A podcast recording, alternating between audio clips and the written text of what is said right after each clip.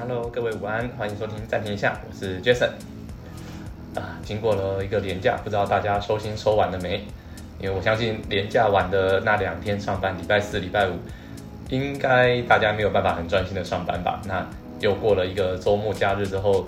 昨天礼拜一应该是真正要收心的时候。那 Jason 昨天也在收心，就是 Jason 昨天进办公室的时候啊，就先试着录音练习了一下，就稍微讲了一下事情。但但是发现哇，用字简直好卡，然后脑袋突然变得很钝，没有办法去很快速的思考事情。那就算想到事情，嘴巴突然也讲不出来。所以如果今天录音的感觉听起来哎顿顿卡卡的，嗯，那是正常的，因为我也还在收心，那脑袋也还在开机，好不好？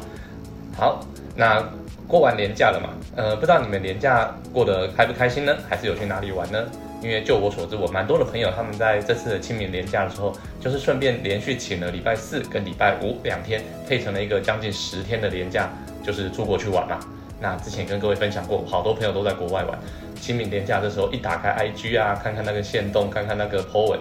哎呀，不是在日本就是在韩国，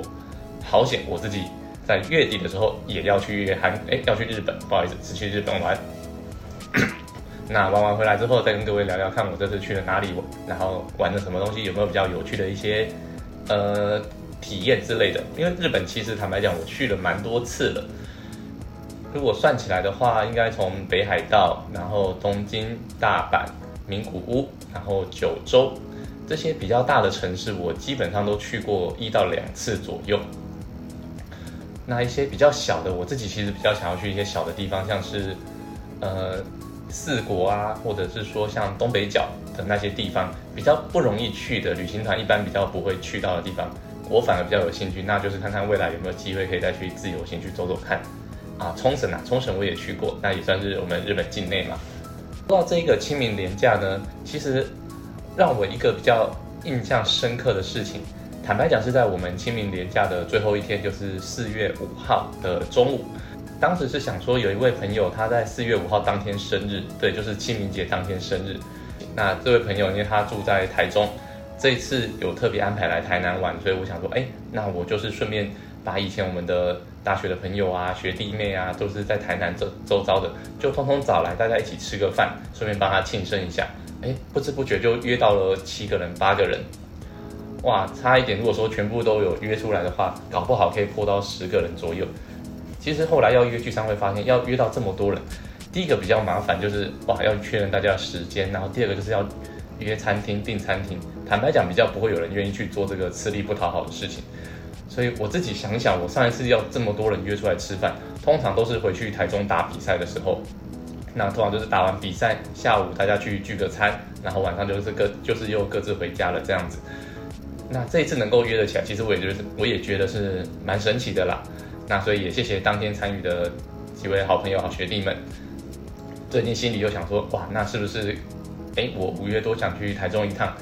是不是再来约个吃饭？就是就约我们大学的同学，看看能不能办个小小的同学会这样子。所以如果有办成的话，再来跟大家聊聊我们大学时候都做了哪些疯狂的事情，或者是说有哪些。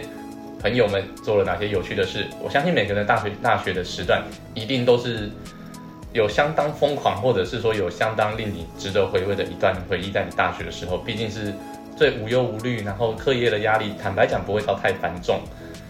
而且会有一群可能一开始不认识，可是后来可能就志同道合的朋友们，总是会去陪你做一些好像有点无厘头，但是现在回去想想，好险有做的那些事情。相信每个人都有这样子一段的回忆，不论是在你的大学时期，或者是在你的高中时期。而我觉得偶尔像这样子约约一个聚餐呢，也让我发现，哎，其实有好多的朋友们都在台南，然后平常也有在打球啊，也有在运动的。后来聚餐完隔两天，以前一位呃大学的同学就突然约我说，哎，打球了，就在台南了。因为不知道说我回来台南也一段时间了，所以又重新好像开始了联系。那。前天我们去打球的时候，就突然觉得，哇！虽然我们已经毕业十几二十，哎，还没有到二十年，我们大概毕业十二年了，但是聊天的感觉就好像回到了大学的时候。虽然体力大概不若以往，以前可能可以上去一连打个三场五场的半半那个三三对三半场篮球，现在没办法打了两场说啊不行，我要下来休息了。即便有赢也，但是也没办法继续打。然后就跟朋友们，就跟朋友互相这样子调侃一下，说哇，真的不行了。以前看你是一个可以不断的弹跳的弹跳人，现在看到看到你的小腿青筋已经暴露出来，快要抽筋的样子，就会去感叹说哇，真的是岁月不饶人。所以那一天晚上我们打完球以后，也不像以前啊，一打可能就打到关灯，打到十点十一点，我们打到大概八点半就说哇，好累好累，不然我们去逛夜市好了。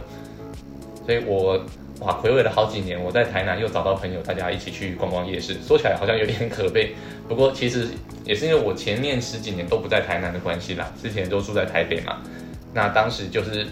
呃，我们在台北的学弟妹比较少，那会约的人就大概那几位，或者是朋友，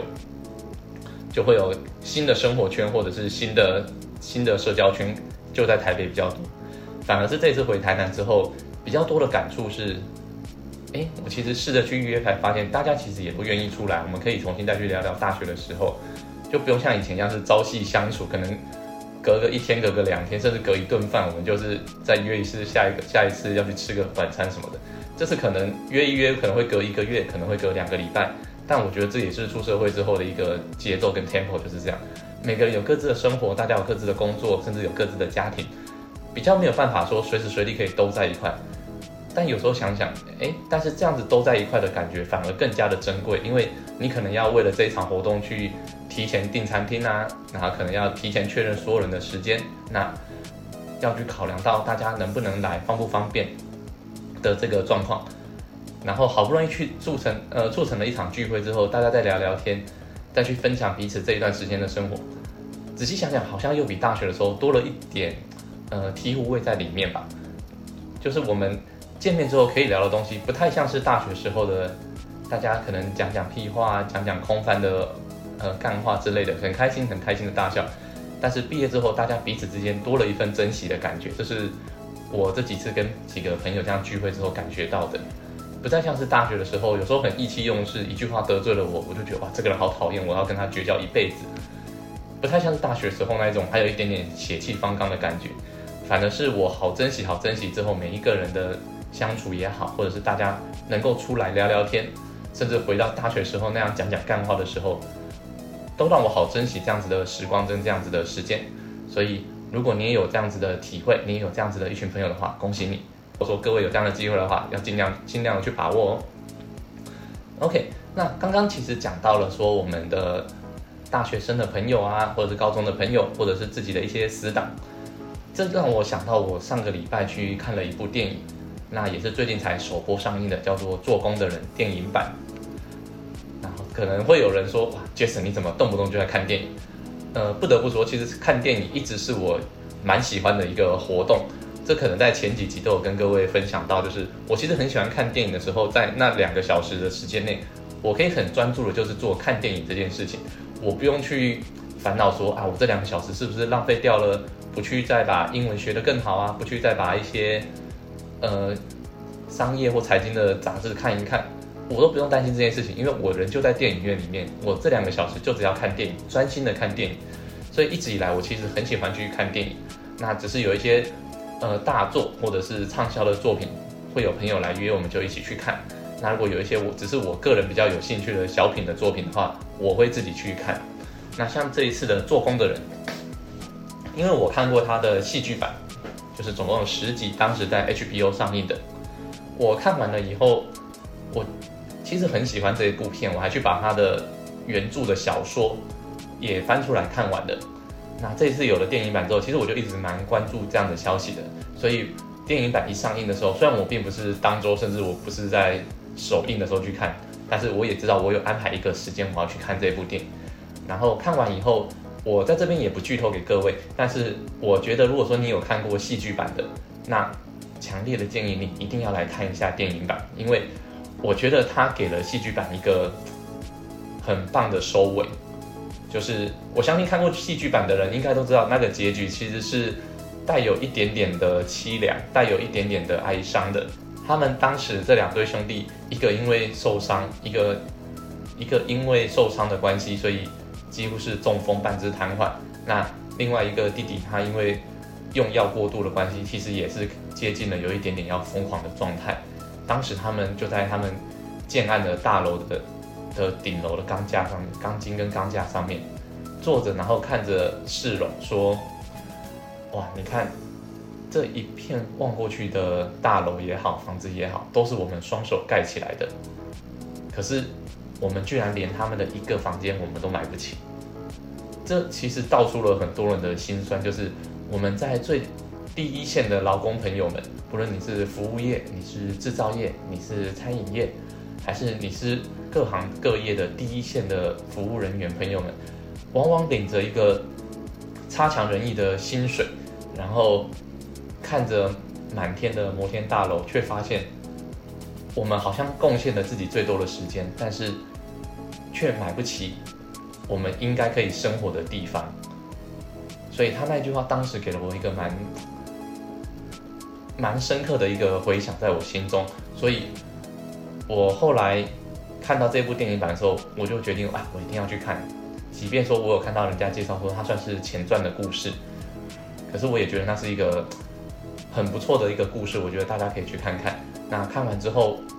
我相信大家会觉得，如果身边有一群这样子的朋友，不论你生存在哪一个层级，或者是不论你生活的状况如何，有一群这样子的好朋友陪着你疯，陪着你傻。从你的学生时期一直到你出社会时期，甚至到了你的中年时期，有这样子的一群朋友的话，我不敢说好或不好，可是那个会是替你的生活锦上添花，让你的生活有更多的味、更多味道的一个调味调味料的存在。然后在这部电影的最后呢，我相信他也给了戏剧版一个相当不错的结尾啦，因为毕竟蛮多事情是我们不鼓励的，可是。会觉得有点遗憾，就是他们是当时是这样的结局，所以我相信在电影版的最后，他们用了一个蛮不错的手法，用了一个蛮不错的收尾，帮戏剧版也进行了一个结局的收尾，所以建议大家都可以进场去看，好吗？好，那今天我们暂停下的录音就到这里。如果说你有任何的建议或者指教的话，都欢迎在留言区跟我们做互动哦。那我是 Jason，我们今天录音到这边，我们下一次再见，拜拜。